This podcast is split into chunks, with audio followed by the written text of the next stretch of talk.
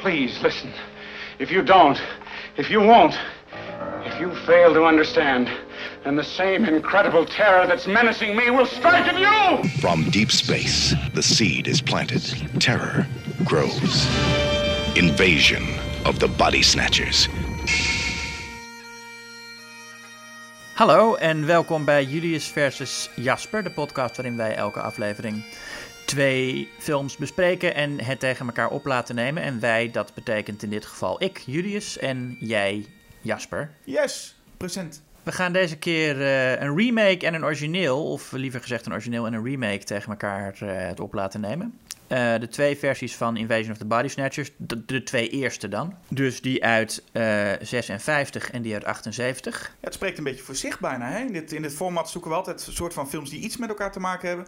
Dit is meteen heel makkelijk tegenover elkaar te zetten. Ja, en ik zag op internet, toen ik een beetje ging, ging kijken van wat wordt toch over het algemeen gezien als de beste, daar kom je bij deze niet echt uit. Men, men is zo ongelooflijk verdeeld over deze twee films. Ja, met name dan de eerste twee, want er zijn in totaal uh, vier versies van. Abel Ferreira heeft er nog één gemaakt in 93. Ja. En uh, Oli, o, Oliver, uh, Olivier Heerspiegel, ik weet hoe zeg je Olivier in Duits? Gewoon Olivier. Olivier Heerspiegel in 2007, als ik me niet vergis, The Invasion. Is dat met Nicole Kidman en Daniel Gregg? Ja, nou zijn er ook, ik weet van Roger Ebert dat hij de versie van Ferrera veruit de beste vindt. Uh, maar over het algemeen worden de eerste twee in elk geval als de beste versies gezien van, uh, van het boek van Jack Finney, waar het eigenlijk het idee vandaan komt. En deze twee heten dan ook Invasion of the Body Snatchers. En de, die van Abel Ferreira heet ook gewoon Body Snatchers. Ja, en, deze die heeft van de Heerspiegel titel heet... Invasion afgekregen. En die van Heerspiegel heet gewoon The Invasion. En er komt een, volgens mij een nieuwe aan. Ja. Een nieuwe remake met uh, de scenarist David Leslie Johnson, zag ik, is, uh, is inmiddels ermee bezig. Schijnt er nu mee bezig te zijn. Van The Conjuring dat... 2 en uh, Wrath of the Titans. Ja, en Orphan. En hij schijnt nu ook bezig te zijn met de nieuwe reboot van Nightmare on Elm Street. Of daar, wat, wat er allemaal van komt, weet ik niet. Het fijne aan Invasion of the Body Snatchers als concept is denk ik wel dat je het in elke tijd kan remaken. En dat het in elke tijd een andere relevantie heeft. We hadden het net al over The, The Thing, ook een soort variant. En je had het net ook over uh, At World's End, wat ik heel interessant vond, dat het ook... Ja, At, World End, uh, At World's End van Edgar Wright is in feite ook een stiekeme verfilming van het boek van Jack Finney. Dat ook Body Snatchers heet trouwens. En weet je wat ik persoonlijk ook nog een hele leuke vind? The Faculty. Oh ja, The Faculty is er ook een. Dat is ook een hele, is ook, die heb ik onlangs nog weer gezien. is ook een hele leuke versie daarvan. Het is een beetje de, The Thing Invasion of the Body Snatchers voor, voor tieners. Een beetje in het screen-tijdperk. Ja. is ook een hele leuke. Ja, en het is een concept dat je eigenlijk overal in elke situatie wel kunt toepassen. Namelijk dat er aliens naar de aarde komen. En die kopiëren het lichaam van een mens. En, en, en, en, en daarmee ook de gedachten en herinneringen van die mens. En dan heb je een soort dubbelganger en dan wordt het origineel uh, vernietigd. En dan loopt die dubbelganger daar rond en dan krijg je er steeds meer van. En het concept is toch ook dat de dubbelganger bijna exact hetzelfde is. Met dezelfde herinneringen, dezelfde uh, manieren, manieren, maar alleen ze missen emotie. Ja, en nou ja, dat, dat kun je natuurlijk op allerlei manieren zien. Van, hè, waar, staat dat symbool voor? In, in, het, in de tijd van de eerste Invasion of the Body Snatchers. Jaren 50 was natuurlijk de tijd van de angst voor het communisme. Waar iedereen uh, dan uh, vanuit Amerikaanse perspectief gezien een, een dystopie waar iedereen moest conformeren. Aan de andere kant had je vanuit Amerika de tegenbeweging, de, de, de heksenjacht van senator McCarthy.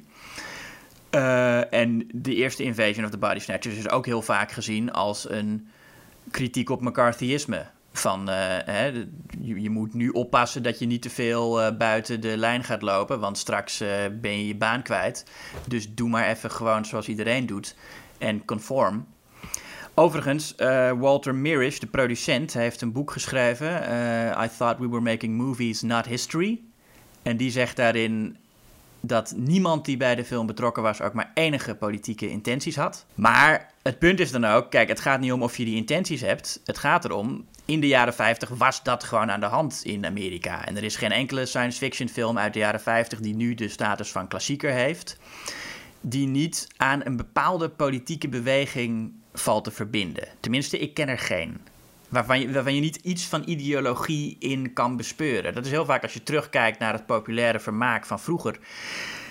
is veel gemakkelijker ook te zien uh, wat daar de ideologische lading in is omdat je een zekere afstand hebt. En je kijkt terug op dat tijdperk. Je denkt, oké, jaren 50, toen was er die angst voor communisme. Toen was er het rode gevaar. Toen was er McCarthyisme. Als je Invasion of the Body Snatchers in die context ziet, ja, dan zit dat er gewoon in. Wat de regisseur en producent en wie dan ook ook zeggen. Don Siegel, de regisseur, heeft overigens gezegd dat hij zich wel degelijk bewust was van uh, uh, het feit dat je daar gewoon niet omheen komt. Weet je wel, met McCarthyisme in die tijd kom je er niet omheen dat een belangrijk thema te maken. Hij zei dat ze dat in de film niet hebben willen benadrukken. Wat ik een uh, uitstekende keuze vind. Want de, zodra je je te bewust en te duidelijk met politiek bezig gaat houden in films, loop je ook weer het risico te uitleggerig te worden. En dat de hoofdrolspeler Kevin McCarthy heet, is maar gewoon toeval. Maar. Ja, dat is uh, toeval inderdaad. Wat wel ook zo is, los van die, van die laag, is het natuurlijk ook zo dat de jaren 50 film, want dat zie je in heel veel films van de jaren 50 of 60. Uh, dat er een aantal films is dat ervoor kiest om de, het kwaad, de, de boeman en, en de, de evil komt niet meer van een of ander duister kasteel in Oost-Europa of echt van buitenaardse wezens. Dus geen mannen in, in gekke pakken, maar wel gewoon je buurman. En dat is natuurlijk iets wat Psycho in, in 1960 ook heel erg sterk liet zien. Maar in deze film zie je het ook. Dat het niet meer een, een, een vreemd gek monster is. Maar je moet juist bang zijn voor die man die heel normaal lijkt en die naast je woont. Ja, en dat, dat was ook deel van de angst voor communisme. Van het, het kunnen je buren zijn. Werd ook heel vaak gezegd in al die anticommunistische reclames. En tegelijkertijd komt het van heel ver, namelijk uit de ruimte. Ja. En dat is ook ja, je, je, bent, stel je bent Amerika, je hebt net uh, de nazi's uh, verslagen, met, met hulp van uh, de Russen natuurlijk. Mm-hmm. Dat is al een soort voor Amerikaanse, voor de gemiddelde Amerikaan, een haast buitenaardse ideologie. En communisme, daar geldt eigenlijk hetzelfde voor. Dus het idee dat dat iets van, van, uh, van letterlijk van buiten de aarde is, dat dan de mensen om je heen infecteert, zo'n ideologie, dat is een heel, uh, heel sprekende metafoor. Ja, het is ook ik vind het ook een hele goede combinatie van, van zowel het komt van buiten, het, het is buitenaards, ja. maar daar merk je daarna nooit meer iets van. Behalve dan de, de, de grote, wat zijn dat soort planten, uh, dingen die ze meetillen allemaal. De, ja, die pods, ja. Die pods, ja. Waar is daar een Nederlands woord voor eigenlijk? Peulen. De, pe de peulen. Ja, de, de, peulen. De peulen. Nou, die grote, die grote, immens grote peulen die daar uh, mee gezult worden. Maar verder is er niks, heel weinig bovennatuurlijks bijna. Het is allemaal, uh, ja, heel down to earth als je het zo ziet. Ja. Dat was al in de, in de jaren 50 versie zo. En dat is in de jaren 70 versie niet, uh, niet heel veel anders. Dus laten we beide films eens, uh, eens doorlopen. En beginnen bij misschien... Uh, laten we beginnen bij de jaren 50. Laten we beginnen bij de jaren 50. Ja, want het is dus het punt is, aan het eind van dit gesprek moet een van de twee films natuurlijk van de aardbodem uh, verdwijnen. Moeten we Stalinistisch uh, de geschiedenis gaan uh, veranderen, zodat iedereen vergeet dat die film ooit bestaan heeft. Ja. En ik denk dat ik dan het origineel wil bewaren. Dus die uit de jaren 50, uit de 56. Ja, en ik zal het uh, in dit geval dan opnemen voor toch die remake. Met ook het bewijs dat niet alle remakes maar slecht zijn. Er, is, uh, er zijn zeker remakes, en er zijn er genoeg natuurlijk te bedenken. En dit is een remake die sowieso wel gelijk ligt. En op sommige vlakken zeker beter is dan het origineel. Maar ze liggen dicht bij elkaar kwalitatief gezien. Het is duidelijk geen uh, makkelijke, makkelijke wedstrijd per se. Nee. Uh, nou, het origineel is in een, in een klein uh, stadje, Santa Mira. Waar dan op een gegeven moment mensen beginnen te merken dat hun familieleden en geliefden anders zijn. En dan heb je bijvoorbeeld een klein jongetje dat bang is voor zijn moeder. Wat al een heel sprekend eerste uh, voorbeeld is van wat er aan de hand is. Hè, dat het zo'n klein jongetje dat op de vlucht slaat voor zijn eigen moeder.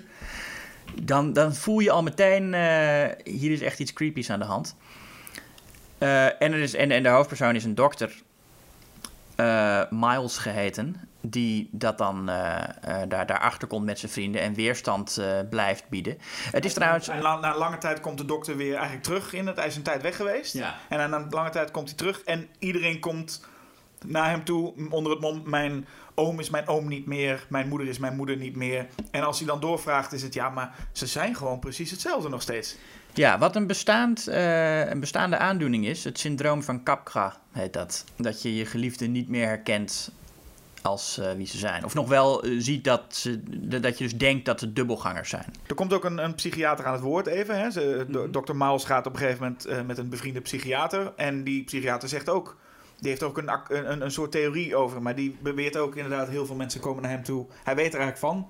Ja, iedereen komt inderdaad naar hem toe met uh, die is die niet meer. Ja, en hij zegt dan ook, het is waarschijnlijk massahysterie vanwege de onzekerheden van deze tijd. Wat misschien wel de, de enige echte verwijzing is naar, en niet eens een heel duidelijke verwijzing, maar de enige echte verwijzing naar de politiek van die tijd. Maar wat, je, wat dan wel mooi is, aan het einde blijkt dus dat die psychiater ook een dubbelganger is.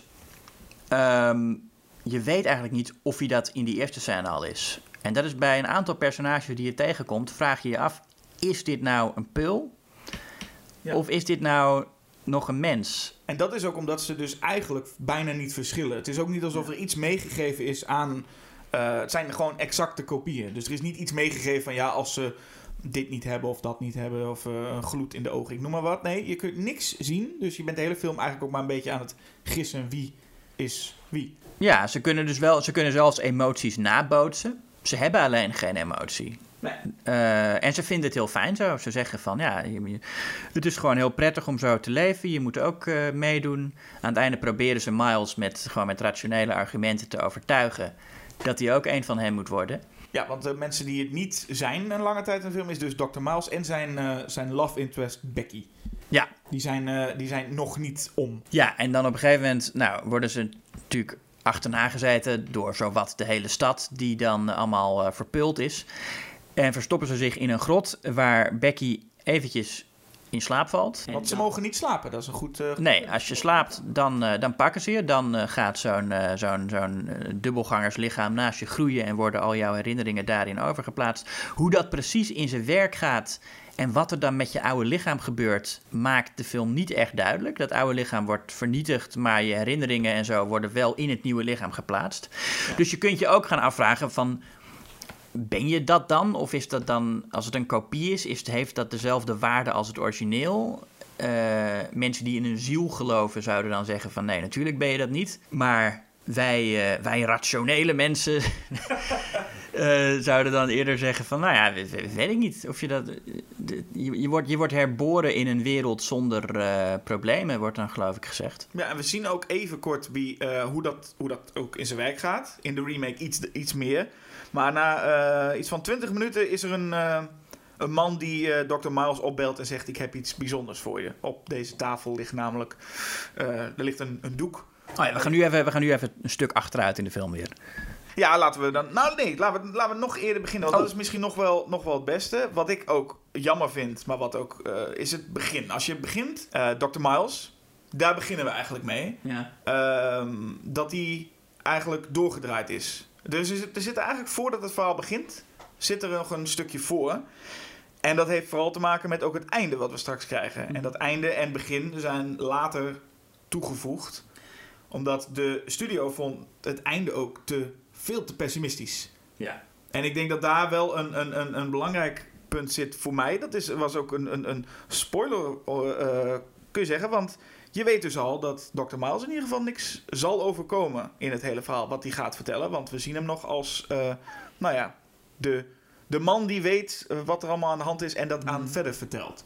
En dat vond ik bijna wel jammer, want het nam iets van spanning weg over wat er met de rest van de personages en vooral met hem zou gaan gebeuren. Ja, aan de andere kant, het feit dat hij daar uh, Becky niet bij zich heeft, terwijl die twee toch heel duidelijk uh, verliefd zijn, um, roept wel weer de vraag op van wat is er met haar gebeurd. Ja, maar tegelijkertijd kun je dat ook nog weer vrij makkelijk invullen dan. Terwijl ja, als de dat... film gewoon begonnen was met Dr. Miles die terugkomt na een lange tijd, heb je zou ik eerder geneigd zijn om te denken, oh, die, die overleven met z'n tweeën wel. Uh, nou, dat was ook oorspronkelijk de gedachte natuurlijk dat het daar zou beginnen. En, en, en Don Siegel heeft uh, enorm tegen zijn zin die extra scènes opgenomen die volgens hem de film bijna verpesten. Ja. Uh, ik vind dat vooral ook bij het, bij het slot inderdaad, daar kunnen we het zo nog wel even over hebben. Ja. Maar het feit dat je dan al weet dat hij over is en Becky niet, het, het, het, het, je kan ook zeggen dat het meer spanning geeft, omdat je denkt van hoe is hij in die situatie beland? Je hoort het vaker dat films beginnen met een vertelling. Dus een personage vertelt, nou, dit gebeurde mij. Waarbij je heel veel spanning wegneemt, omdat je al weet, dus, oh, die komt er sowieso levend uit. En dat is, wordt soms goed gedaan, soms is het nodig, soms levert het ook extra spanning op. Hier merkte je, en dan snap ik Don Siegel wel, het is geen toevoeging, dit, dat begin. Dat was verder totaal niet, eh, niet nodig om zo te beginnen. En het einde komen we inderdaad zo meteen wel op, want de film heeft eigenlijk een perfect einde. Wat ook uh, teniet wordt gedaan. Maar het begin had dus geen vertelling hoeven zijn. Wat mij betreft. Had meteen mogen beginnen met... Nee. Dr. Miles komt terug in zijn plaatsje waar iets vreemds aan de hand is. Maar goed, hij komt terug. Hè, het is, eh, het is, eh, hij is eh, wat ik meteen al mag zeggen over de... Ik mag ook wel wat positief zeggen over de jaren 50 versie uiteraard. Is de film heeft een enorm sterke pacing. Ja. Het is ontzettend sterk. Het is maar een korte film, 80 minuten maar. En die, die in die eerste 20 minuten, even losgezien van dat, van dat introductietje, gaat het allemaal lekker. Het gaat allemaal goed, goed snel. Het wordt allemaal goed neergezet. Dus dat vond ik een, een hele fijne gewaarwording. Een heerlijk tempo. En dat, ja, Don Siegel was een regisseur van ja, B-films en film noirs en zo. Maar, goed, die wist wel hoe die snel een, een amusante, lekker vlotte film in elkaar moest zetten. Eh, Invasion of the Body Snatchers is wel zijn meesterwerk. Maar hij heeft ook een aantal heel andere, eh, heel vermakelijke films gemaakt hiervoor. Oorspronkelijk was het ook een, een, een, een B-film in een double feature met Atomic Man. Atomic Man, ik weet niet of dat wat is, heb ik niet gezien. Nee, heb ik ook nooit gezien. Maar eh, zo zie je maar weer eens dat, ook, dat, dat vaak de B-film overeind blijft waar de A-film eh, vergeten wordt. Bij deze is het ook gewoon, het, het, het is ook, eh, hij is vrij, zeker in het begin, gewoon heel classy ook. Hele, hele, hele, film noir is misschien een groot woord, maar het, is, het heeft iets mo- stijl. er zitten een paar mooie film noir-achtige beelden in hoor. Die, die, die low-key belichting, en, eh, contrastrijke shots van trappen en zo. Ja, je ziet meteen dat het niet een, een, een standaard eh, science fiction film zoals je die veel eerder ook al zag is. Dat is wel duidelijk iets anders. En na 20 minuten krijg je dus een, een, ligt er een lichaam op tafel en wordt Dr. Mouse gebeld met we hebben iemand. En dat is een, een, een, een scène die ik zelf wel geestig vind, omdat eh Dr. Mouse dan het doek van het lichaam afhaalt. En de muziek laat ineens heel erg horen van... Babam, er is hier iets. En we zien het helemaal niet. Ja. Het is niet alsof, die het echt, alsof ze het echt verbergen. Zo van, oeh, hoe erg. Maar je, je ziet het gewoon niet heel goed. En de muziek laat echt merken van... Oh, wat hij nu toch ziet. En je hebt geen idee wat je ziet. Je ziet eigenlijk gewoon iemand. Ja, dat moment dat viel mij ook op inderdaad. De muziek vertelt je eigenlijk dat daar meer aan de hand is dan je zou denken als je het gewoon ziet. Ja, en als je nou alleen een close-up had gehad van Dr. Miles... had je nog kunnen denken, oh, wat ziet hij allemaal? Maar je ziet ook letterlijk wat hij ziet. En dat is, is gewoon een mens eigenlijk dan. Ja, het is een shot van vrij veraf nog. Ik vraag me af waarom ze dan niet een close-up van het gezicht eh, hebben gedaan. Nee, en dat is het, wat dus eigenlijk daar zou liggen, is een van die, eh, de man die daar ook in huis is. Het is een soort iets wat een kopie van hem aan het worden is. Een beginnende kopie. Het is, nog, het is nu nog een redelijk, eh, nou ja, je zou kunnen zeggen een, een schets of, een, of, een, of een, het, het begin van een menselijk lichaam, maar nog zonder alle rimpels en definitie. Hij heeft ook nog geen vingerafdrukken, dus nog niet herkenbaar. Maar later eh, groeit dat lichaam op tot inderdaad de man die hem gebeld heeft, eh, tot aan het litteken op zijn hand aan toe. Ja, en dat is, vind ik nog wel vrij sterk. Dat de man snijdt zich en dan neemt dus dat lijk, of dat, dat lichaam wat op die tafel ligt, neemt ook die, die, die, die wond over.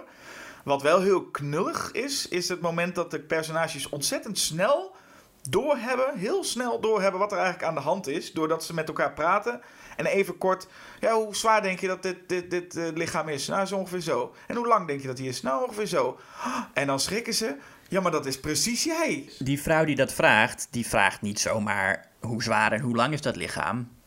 Die vermoedt al dat het een kopie van haar echtgenoot is. Dan, maar dan helemaal gaat het heel snel. Dat jij Ja, zo het- het snel gaat als wel personages zo snel. Ik weet, normaal gesproken zou je heel lang voordat je zulke, zulke conclusies trekt, zul je dat heel lang over doen. Maar ze gaan allemaal vrij snel de conclusie.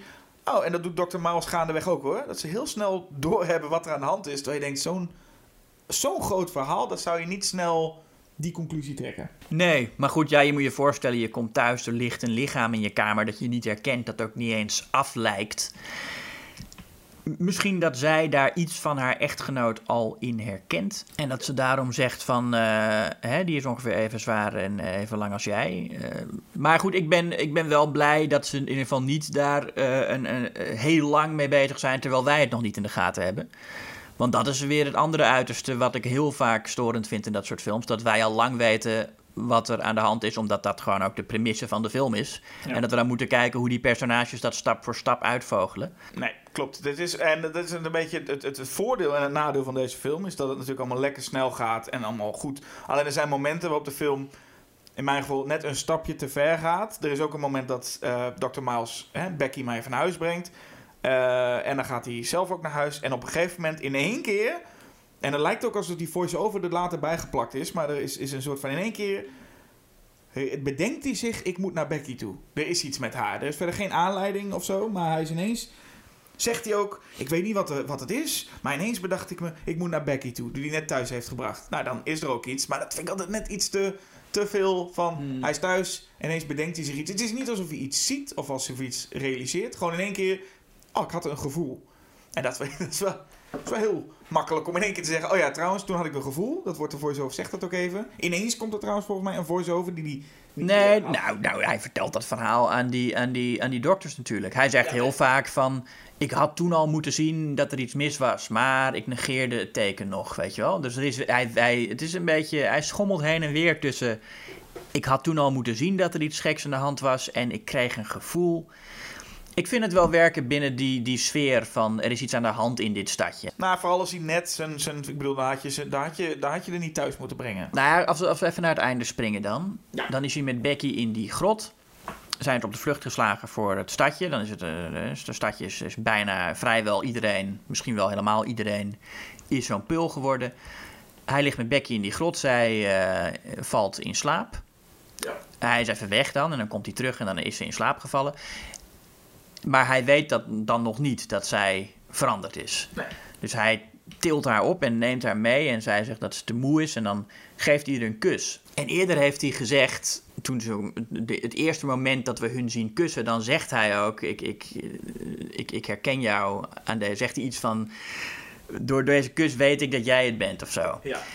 En in die scène, en dat is zo mooi, zij reageert gewoon totaal niet op die kus. En dat moment zie je hem realiseren van wacht even, dit is haar niet. En dan kijkt ze hem aan en dan trekt ze zo een wenkbrauw op. Ja. En dan zie je hem heel verschrikt kijken. Een prachtig shot. Dat is een van, mijn, een van de mooiste filmkussen die ik ken. Ja, dit is een heel mooi. Ook als je het niet helemaal door hebt, dan denk je: wat, wat gebeurt er? Want ze kijken elkaar heel vreemd aan. En hij voelt echt dat er iets aan de hand is. Maar het is heel mooi dat het eigenlijk linkt aan die, aan die kus. Ja, En dan is zij dus ook een van hen. Ja. En, eh, en, en moet hij eh, nou nog een heel eh, tering en rennen. ja dan rent hij als een maniak de weg op. En nou ja, komt hij een vrachtwagen het- tegen die allerlei peulen vervoert. Die naar San Francisco gaan, onder andere. Ja, het is overal. En de, de, de, de, alle, de bevolking van het stadje laat hem ook gewoon gaan op een gegeven moment. Dat ze zeggen: niemand gelooft hem toch, dus laat hem maar gaan. Ja. En dan kom je bij het eigenlijk een fantastisch einde. Hè, de Dr. Miles die op de, op de weg staat en roept: They're coming and you're next. Ja. En denk je: Oh, dit is eigenlijk een perfect einde. En daar komt nog even een einde aan vast, wat, wat iets optimistischer is. Ja, wat ook nog niet helemaal, want dan zeggen ze gewoon van ja, dan, dan is hij dus daar en dan heeft hij dat verhaal aan die dokters verteld. En die dokters denken eerst van nou, dat is allemaal onzin. Maar dan komt er opeens een vrachtwagenchauffeur binnen. En dan zeggen ze van deze hebben we gevonden. Hij is met ongeluk gehad met zijn vrachtwagen. Er vielen allemaal gekke peulen uit. En dan denken ze gekke peulen? Wacht eens even. En dan bellen ze meteen Dan wordt de, het hele leger de- ingeschakeld. Ja, wordt de. FBI ingeschakeld. En dan zie je die, dat Miles, nou ja, een beetje opgelucht staat te kijken van, nou, op zijn minst word ik geloofd. Ik denk, je had dat nog kunnen redden door die scène te laten eindigen met dat die dokters tegen wie die praat allebei ook al pulmensen zijn. Ja, maar Als dat het einde was geweest, was het ook nog... Maar dat is niet de reden waarom ze het einde natuurlijk Nee, veranderden. precies. In principe vind ik dat ook een mooi einde. Alleen is dat, dan heb je hetzelfde met eh, eh, We're Doomed. En dat mocht niet. Nee, het mocht niet... dus je ziet een eh, soort van geruststelling in zijn gezicht. Zodat we in ieder geval eindigen met Dr. Miles die gerustgesteld is. En dat is... ik wil niet... Als Don Siegel inderdaad beweert dat zijn hele film verpest is. Zover wil ik niet gaan. Maar ik snap wel... De film is nog steeds sterk. Maar ik snap wel dat dit... Dit, dit, had je de, dit kun je er beter afknippen inderdaad. Het einde. Ja, en nou dat ja. dan ook. Ja, ja, maar goed, dat, dat zou je natuurlijk ook kunnen doen. Je zou gewoon een versie kunnen herknippen met, met zonder die begin- en eindscènes. En dan heb je een, eh, een, min of meer perfecte film. Is waar, maar dan kan ik, ja, maar dan, dat is het dus niet, helaas. Nee, dat, nee oké, natuurlijk. Dat is niet de film waar we het over hebben. Is zou ik, zou ik elke film wel eh, willen, zelf willen hermonteren en dan kan ik er wat van zeggen. Maar eh, nee, dat is, het is jammer van dat einde, maar inderdaad, net doordat er zo'n heel ongelooflijk sterk stuk voor zat. En eigenlijk de hele, de hele film is, is, is wat dat betreft heel sterk hoor. Ja. Maar dat wil niet zeggen dat de remake niet sterk is. De remake is ook ongelooflijk sterk, alleen is, is eh, ietsjes langer. En dat is eigenlijk misschien mijn enige eigenlijk nadeel van, van de remake. Is die film eh, gaat richting de twee uur. Ja. En die had, nou, die had wel in ieder geval 100 minuten kunnen zijn. Daar had wel 20 minuten afgekund als je de, de, de film zo ziet. Die, dus er zit heel veel spanning in die eh, remake. Meer denk ik nog wel dan in de origineel. Maar de spanning wordt niet overal echt goed vastgehouden. En de intro is ook veel langer dan natuurlijk in, de, in, de, in het origineel. Volgens mij gaat na 45 minuten begint in de remake pas de boel een beetje te lopen. En begint men iets te ontdekken. Dus het is een heel ander soort film. Ja, het is een film van Philip Kaufman, die ook veel meer een, een, een artsy regisseur was. Hè. Don Siegel was echt een man van de B-films en Philip Kaufman was echt van de, van de arthouse films. En dat zie je ook wel aan, ja, aan, dat zie je. Ja. aan zijn cameravoering ook. Eh, de film is, is, is, is in San Francisco. Ehm, dat is ook een, een belangrijk verschil, dat, dat het echt zo'n stadsfilm is. En je ziet ook echt dat Philip Kaufman daar met zijn camera door die stad loopt. En eh, gewoon echt op, op straat filmt, terwijl daar gewoon mensen nog rondlopen. Zoals dat in die tijd nog wel eh, gebruikelijk was. Ja. En Donald Sutherland eh, ertussen, weet je wel. Ehm, en het, het, he- het heeft wel echt die, die sfeer van een, een kunstenaar die in de stad filmopnames aan het maken is. En een beetje rare schuine shots kiest en, en, en cameravoeringen waar, waar je even moet nadenken van waarom zou hij dat zo gedaan hebben. Eh, ik vind hem wel een lekker sfeertje. Ja, en ik vond het ook fijn en vernieuwend vooral dat als je dan een remake maakt, en die remake is verder op heel veel vlakken eh, trouw aan, laat ik dan zeggen, de originele film, of het het, het verhaal of het boek is, weet ik niet, maar aan de originele film wel, maar dat je dan toch een paar dingen verandert. En wat ze dan vooral inderdaad hier veranderen is niet meer hetzelfde verhaal in een kleine stadje, klein plaatsje, maar juist de grote stad. Ja. En dat vind ik fijn, dat ze even vernieuwen, dat ze denken, we gaan een andere setting pakken, voelt de film ook echt nieuw en anders, maar verder wel dezelfde stappen doorlopen. Ja, en die, en die paranoia in die stad werkt ook heel goed. Want je hebt eerst gewoon de paranoia in dat kleine stadje waar iedereen elkaar kent. En dat werkt goed, omdat je dan zijn scènes, dan, dan kijkt eh Dr. Miles naar buiten en dan zegt hij: Oh, daar loopt die en die en daar loopt die en die. Waarschijnlijk zijn dat ook al peulen. Ehm, en hier heb je dat je gewoon over straat loopt en dat je allemaal mensen ziet die je niet kent. En dat je ook als, als kijker gaat zitten kijken naar die mensen van is dat er een? Is, is dat er een? En, sommige, en heel veel van die mensen zijn dus gewoon eh, mensen die gewoon echt op straat liepen. Maar dat weet je in zo'n stad inderdaad ook niet. Op het moment dat je als Donald Sutherland door, door die stad loopt en je ziet allemaal mensen, je, je hebt geen flauw idee, want die mensen eh, eh, in een stad, gewoon je, je doet je eigen ding. Dus je kunt daar ook niet echt van zien van, is dat nou een pul of is dat nou gewoon iemand die in een stad gewoon zijn eigen ding aan het doen is. Dus dat Ja. maakt het ook wel, ik vind het een goede toevoeging. Een interessante toevoeging. Ja, die stadsparanoia, dat, dat, dat werkt echt. Want in, in principe heeft eh, nou, Invasion of Body Snatchers uit de jaren 70 dezelfde lijn. Hè? Donald Sutherland is dit keer de, de, eh, de man en heeft ook een, een, ehm, een vrouw. Of in ieder geval een, een, een love interest, de Elizabeth. En verder, eh, ook zij maken nou ja, het een en ander mee. En doen eigenlijk, ja, de, de, de, film volgt in grote eh, lijnen eigenlijk gewoon hetzelfde verhaal op. Ja, alleen Donald Sutherland krijgt wat meer. ehm, ja, krij- eh, eh, is wat meer een driedimensionaal personage dan, eh, in, in de, de, dan de personages in het origineel. Kijk, in het origineel hoeven ze ook niet zo heel driedimensionaal te zijn. Het zijn gewoon, het zijn gewoon mensen. En, als, en weet je, je hebt mensen tegen peulen en dan sta je automatisch aan de kant van de mensen. En veel meer heb je niet nodig. Eh, Miles symboliseert een beetje de mensheid en, en, en de mens die wil overleven en die ook wil voelen tegenover de peul die juist niet wil voelen. Ja. En dan kun je daar een heel driedimensionaal personage van maken, zoals eh, Donald Sutherland in de remake. Maar je zegt dat het niet nodig is. D- nou ja, ik, ik vind het in het origineel in elk geval niet nodig. Het wordt heel vaak genoemd als iets wat de remake dan beter doet. Eh, wat ik vind dat de, de, eh, de remake beter doet, heeft eigenlijk, want je, je, je omschreef net uit het origineel een, een hele mooie scène tussen uh, uh, Miles en zijn, uh, en zijn geliefde Becky. wat de remake veel beter doet, is eigenlijk die love interest neerzetten. Elizabeth is wel duidelijk een beter personage dan Becky. Becky is ook, het is ook een beetje, Becky is wel echt een typische uh, vrouw uit een jaren 50 film. Ze wordt over de hele tijd meegesleept als een soort lappenpop. Ze moet de hele tijd maar mee en, en valt en dan moet ze weer opstaan. En het is een. Ze, ja, ze rent vooral achter, haar, achter de man aan. Hè? Dat is wat, wat, wat Becky vooral doet. En ik vond vooral ook dat liefdesverhaal, ondanks die scène die jij net noemde van die kus, ook een beetje, beetje kneuterig gedaan. Het was een beetje dat zij horen voor het eerst, of ik denk dat ze het voor het eerst hoorden, hè, met met z'n tweeën van ja je hebt dan geen emoties meer als je Pearl bent. En waarop zij meteen een soort van met de hoofd tegen, tegen hem aangaat. En de hele tijd zo van, yeah, I want to love and I want to be loved. En het, het is allemaal, je moet het tegen kunnen. Het is melodrama. Wat ik een hele mooie scène vond uit de remake, hmm. is waarin uh, Donald Sutherland en, uh, en, en Elizabeth eigenlijk aan het, uh, gespeeld door Brooke Adams, zijn ze aan het eten. En eigenlijk is er een heel leuk stukje chemie. Eh, Donald Sutherland zegt op een gegeven moment ook van... hey, doe dat ene ding wat jij kan met je ogen nog eens een keer. Nou, dan gaat zij, trilt zij wat met de ogen en dan zegt hij van... hé, hey, um, hoe laat moet je eigenlijk thuis zijn? Nou, haar vriend doet al een beetje vreemd. Hè? Zij vermoedt dat dat al één... Zonder dat ze nog weet dat het peulen zijn natuurlijk. Vermoedt dat, nou die doet wel heel vreemd. Misschien gaat hij wel, gaat hij wel vreemd. En Donald dan vraagt, goh, hoe laat moet je thuis zijn? Ja, uh, ik hoefde niet per se op hem te wachten.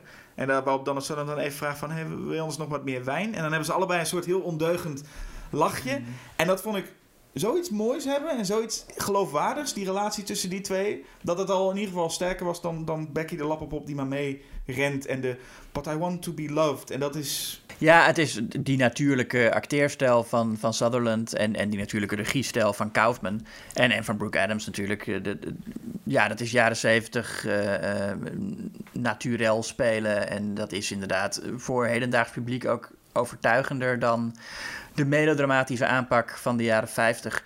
Ja, waar, je nog net, waar ze nog net niet de hand op de voorhoofd legt en zo van, oh, en dat, dat, dat zit daar nog wel een beetje in. Ja, daar kun je, kun je wat van vinden en je kunt het ook gewoon pikken hoor. Je kunt er gewoon overheen, uh, overheen kijken. Maar als je ze dan zo dicht tegen elkaar aanlegt, dan zie je wel heel groot dat verschil. Ja, en dan is natuurlijk de relatie in, in de jaren 70 film in elk geval overtuigender in de zin dat het uh, wat, wat, wat realistischer is van hoe twee mensen met elkaar omgaan. Ja, en het zit hem juist inderdaad in die hele kleine dingetjes. Ik dacht namelijk nog, oh, dat wat zij met haar ogen doet, zij kan heel erg met haar ogen trillen. Ik dacht nog, dat gaat iets, een rol spelen. Dan gaat zij gaandeweg een keer dat moeten bewijzen dat ze dat nog steeds kan. En dan kan ze dat niet meer. Oh, ze is een peul. Maar dat komt gewoon nooit meer terug. Gewoon, Het is gewoon een klein karaktermomentje. Gewoon een klein dingetje wat niet verder terugkomt, maar gewoon, gewoon leuk is. Dat vind ik ook wel fijn. Ja, nee, dat, is, dat, vind ik, dat, vind, dat vind ik ook heel erg fijn aan de jaren zeventig. Dat je toen nog, uh, of toen nog, nu nog steeds wel eens, maar, maar dat er toen ook, uh, voor mijn idee, meer van dat soort momentjes waren. En meer van dat soort kleine scènetjes en dialoogjes waarvan je denkt...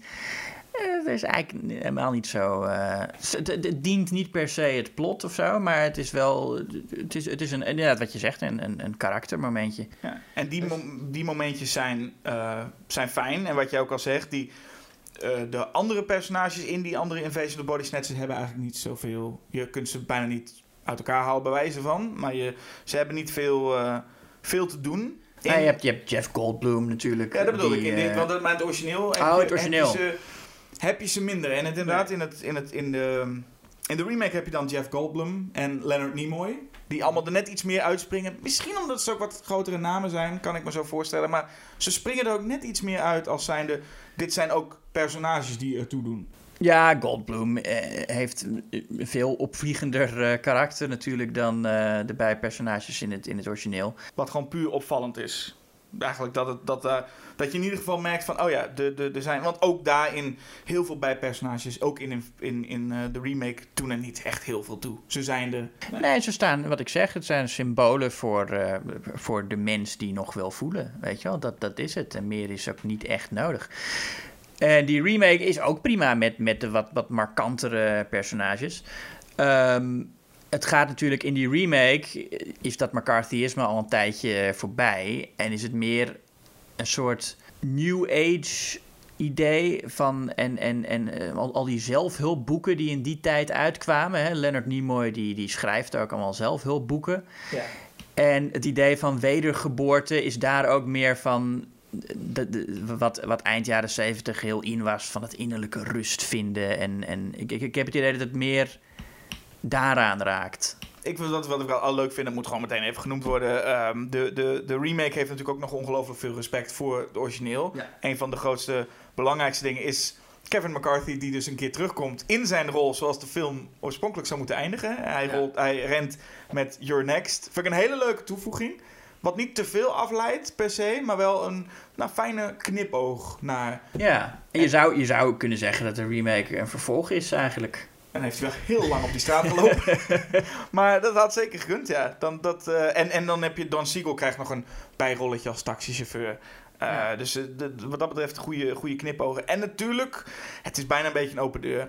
Maar de special effects zijn in de remake natuurlijk wel veel, veel beter. En ook echt heel overtuigend. Nog steeds overtuigend. Dus dat is eigenlijk wat dat betreft ook nog wel belangrijk. Dat je in de jaren 70 goede special effects die nog steeds overtuigend zijn. Ik moet zeggen, eh, in de jaren 50 zijn ze ook niet zo gedateerd als je misschien zou denken. Op het moment dat je ziet hoe die, die lichamen, eh, die, die kopieën van die lichamen voor het eerst uit die peulen komen. Eh, en, en dan gaat Miles kapot slaan met zo'n met zo'n hooivork.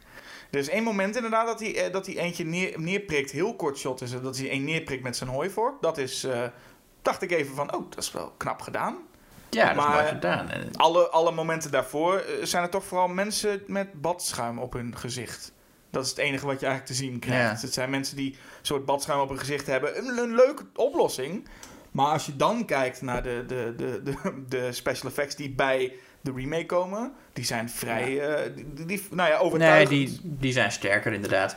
En het is ook omdat in de remake komt, eh, komen die peulen... Zijn, komen eigenlijk in de vorm van heel kleine eh, stofjes... dalen ze op aarde neer en dan komen ze in bloemen.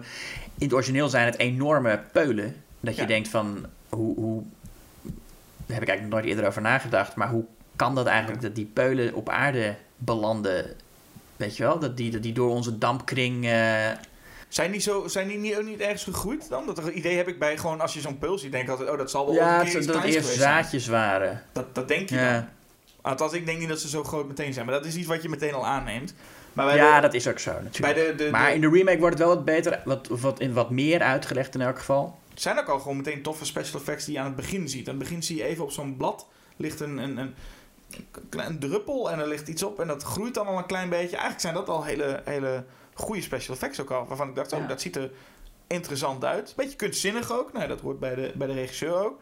En je ziet ook eh, wat er gebeurt met het lichaam van het, met het originele lichaam als er een kopie gemaakt wordt. Dat vind ik wel een, een toevoeging die ik eh, welkom heette. Dat je dat lichaam ziet uitdrogen en verschrompelen. Nou ja, ze moesten iets om ook de, de scène die jij net omschreef van de kus en de, eh, eh, de realisatie dat, eh, dat het, het meisje ook kwijt is. Nou ja, dat konden ze niet letterlijk natuurlijk doen wat ze in het origineel gedaan hebben. Dat deden ze het ook gewoon heel goed. Ehm, maar ook in, eh, in de remake, Elizabeth eh, verdwijnt. En dan krijg je wel inderdaad een hele, ook een hele sterke scène waarin Donald Sutherland haar nog omhelst. En langzaam ja, rot ze gewoon een beetje weg. En komt ze ergens anders, eh, staat ze ineens naakt ehm, en gaat ze tegen hem praten. Waarbij je daarna vervolgens eh, behoorlijk wat actie krijgt. Hè, want dat zit in de remake ook wel iets meer. Daar zit, eh, Donald Sutherland gaat, gaat een hele kast met al die zooi verwoesten. En er komen de nodige explosies er ook, ook bij. Ja, dat vind ik allemaal niet zo nodig eigenlijk. Was is niet het sterkste ervan. Nee, dat klopt. En een van de, van de, een van de scènes die heel veel mensen ook bijblijft... is de scène waarin de, de zwerver ineens een hond met de mensenhoofd komt Ja. ineens voorbij. Je hebt een moment in het origineel dat ze dus allebei... eh, eh, ze zijn nog mensen, maar ze doen alsof ze peulen zijn. En dan mogen ze dus geen emotie laten zien, terwijl ze tussen de andere peulen doorlopen. Ja. En dan ziet die, de, Becky ziet dan een hond die bijna onder een vrachtwagen loopt. Oh ja, daar schrikt ze van. En dan... Ja, en hier is dat moment dat zij een hond ziet die, met, die een mensenhoofd heeft. Ja. Wat een, eh, een heel bizar horrormoment is. Het is natuurlijk sowieso een horrorfilm, maar het is ja, het is een soort, wat wat de fuck is dit? Wat de fuck is dit? Ja, dat is heel Het sterk. is En een daarom beetje- is snap haar reactie ook wel. Zo zou ik denk ik ook reageren als je Ja. zoiets zou zien. Maar het is heel fijn, het is een soort, ja, gewoon een onverklaard eh horrormomentje, zoals je in die tijd volgens mij ook nog wel vaker zag. In The Shining had je natuurlijk die, die, die, die beer in die kamer. Ja, de blowjob beer. En wat ik een van de dingen die ik ook heel goed vind, je noemde het net al dat het een uh, horror ook echt is. Ehm, de uh, mensen komen achter ze aan. En in, dit, in deze film uh, geven de mensen ook een bijzondere schreeuw. Ze hebben een bijzondere vorm van schreeuwen, waardoor je al iets minder menselijk. Ze maken ze iets minder menselijk. Maar dat doen ze volgens mij alleen op het moment dat er echt iets aan de hand is. En dan heb je een hele, hele sterke scène in een, in een donkere tunnel. Waarin ze ook visueel ook heel mooi. Waarin de personages rennen. En dan worden ze vervolgens achtervolgd door die hele groep die achter ze aanrent. En je hoort die schreeuwen en je hoort ze galmen. Dat is wel een, een stuk enger, vind ik, dan uh, in, de, in het origineel. Waarin het inderdaad gewoon de hele tijd alleen maar normale, normale mensen zijn die achter ze aanrennen. Ja, en het feit dat ze ook, eh, als er geen echte mensen bij zijn, uh, nog gewoon met elkaar praten. Um, kijk, in, in, in, in de remake heb je echt het idee dat daar ook een soort alien in zit. Ja. Die, die die schreeuw doet. En dan maakt het ook iets enger, heb ik het gevoel, van wat als ze je grijpen. Je hebt iets meer het gevoel van dit kan nog heel slecht aflopen. Bij, de, uh, bij het origineel heb je gewoon wel het gevoel alsof inderdaad echt een, een, de dorpeling achter je aan zitten. Ja, dan, dan, dan, dat, dat geeft, dit heeft inderdaad iets bovennatuurlijks. Maar niet zoveel als dat, het echt, dat ze op een gegeven moment helemaal transformeren in, Hmm. in gekke wezens. Nou ja, dat is ook niet de bedoeling natuurlijk. Dat, ik bedoel, dat is niet het, het, het, concept is dat het nog steeds gewoon dezelfde mensen zijn Precies. in feite. Tenminste, dat, dat, dat is dan de vraag die aan het publiek gesteld wordt. Uh, zijn dit nog wel dezelfde mensen? Dus dat vond ik ook een slimme toevoeging. Om dan juist een soort van, van uh, niet-menselijke schreeuw mee te geven. Dat gewoon eng, ook een enge situaties uh, veroorzaakt. Um, ja, vind ik, een, vind ik een, eh, een, een enorm goede toevoeging. Wat dat betreft, als ik de remake steeds opzom, is het... Ze doen heel veel dingen hetzelfde, ook goed. En heel veel verbeterpunten, ook echt goede verbeterpunten. Iets wat een remake volgens mij gewoon echt moet doen. Ja. En het laatste punt wat ik toch nog even moet aanhalen... is wel dat het laatste punt veel iconischer dan het einde van de remake van Invasion of Body Snatchers krijg je het niet. Nee, dat laatste shot is toch een van de beroemdste laatste shots uit de filmgeschiedenis. Ja, we denken dat Donald Sutherland misschien het uh, nog normaal is. Een van de overlevenden die, uh, die ziet hem, spot hem, loopt op hem af en dan doet hij zijn, wijst hij zijn mond open en dan horen we dat gegil nog een keer. En daar eindigt het ook mee. En dan ook geen muziek. Hè? Gewoon de film wordt nee. stil en dan komen de credits. Nou ja, natuurlijk, hè, de film doet wat eigenlijk. Dat moet ik origineel wel een beetje credits meegeven. De origineel wilde ook zoiets doen. Of in ieder geval een einde geven wat niet zo uh, optimistisch was. Hmm. En dan vind ik het wel fijn dat de remake dat echt dubbel en dwars ook doet. Gewoon echt een einde waarvan je denkt, nou, hier, uh, blijf hier maar even mee zitten, publiek. Vind ik heel fijn. Ja. Dus ja, al dat, als ik dat allemaal opsom, moet ik, moet ik in ieder geval zeggen, als mijn conclusie, dat Invasion of the Body Snatchers, de jaren 50 versie, fantastische film. En de remake doet op bijna alle fronten het of net zo goed of net iets beter. Dus daarom hou ik die. Ja, ik zou zeggen, uh, die remake, er zitten heel goede scènes in. Maar ik heb toch niet zoveel met die personages dat ik zeg, uh, uh, ik vind het gerechtvaardigd dat ik hier nou tien minuten naar zit te kijken. Het origineel is gewoon een, een, lekker vlotte, snelle film. Met bovendien ook volgens mij meer politieke relevantie dan de remake. Oh, dus jij kijkt ook op van die vlak van als we eentje weg moeten gooien, dan moet ook de belangrijkste blijven eigenlijk. Ja. Is ook een, is ook, is ook nou ja, ik bedoel, in, in, nee, in politiek opzicht vind ik het origineel ook net wat interessanter. Nou, oké. Okay. Dan, uh, ik vond hem in ieder geval dit geval lastig, omdat het de twee goede films zijn. Mm. Maar in alle eerlijkheid, als de faculty erbij stond, koos ik toch wel daarvoor. Want kiest niet voor Robert Patrick als een alien? Samen met, met, met zijn collega's John Stewart en Piper Laurie. Dus ik denk dat ik daar st st heel stiekem dan voor ga. Faculty is eigenlijk gewoon uh, de, de, de, de definitieve uitwerking van dit concept ook. Ja. Hoeft niet meer gedaan te worden. Nou, maar dat is wel heel sterk aan het concept. Dat je kan dit dus gewoon altijd blijven doen. En het zal altijd een relevantie hebben. Omdat mensen altijd een metafoor zullen zien in die, in die peulen. Weet je, of je het nou, als je het in de jaren 80 doet of in de jaren 2000 of, of nu. Um, nu, nu, als je hem nu zou maken, als als je een intelligente scenarist bent en regisseur, dan gaat het nu waarschijnlijk, uh, zou iets met een fake news angle voor de hand liggen. En, en dat mensen uh, uh, feiten niet meer geloven en dat feiten eigenlijk betekenis verliezen. Dus eigenlijk zeggen we, een film als Invasion of the Body Snatch, een verhaal als Invasion of the Body Snatch, zouden we eigenlijk om de zoveel jaar moeten remaken. Om te kijken wat er Ja. dan uitkomt. Ja, precies. Dan is het bijna zonde dat we er nu eentje weg moeten gooien, maar dat Ja. doen we dan wel. En aan de luisteraar om te kijken welke versie gooien jullie dan weg. Je mag de faculty ook noemen. Je mag ook Body Snatchers uit 1993 of die Invasion noemen. Noem maar eentje. Maar, Of The World's End. ja, maar die gooit toch niemand weg? Nee, dat is, fantastisch. fantastisch. Oké, welke Invasion of the Body Snatchers eh, wordt het voor jullie? Laat het ons weten via een of andere briefkaart. Stuur die naar ons toe. En als wij genoeg briefkaarten krijgen, dan gaan we ook echt zorgen dat Invasion of the Body Snatchers eh voorgoed verdwijnt. Dus eh, weet wat je doet. En wij zeggen tot de volgende keer. Tot de volgende keer. Joe! The function of all life is survival. Sleep.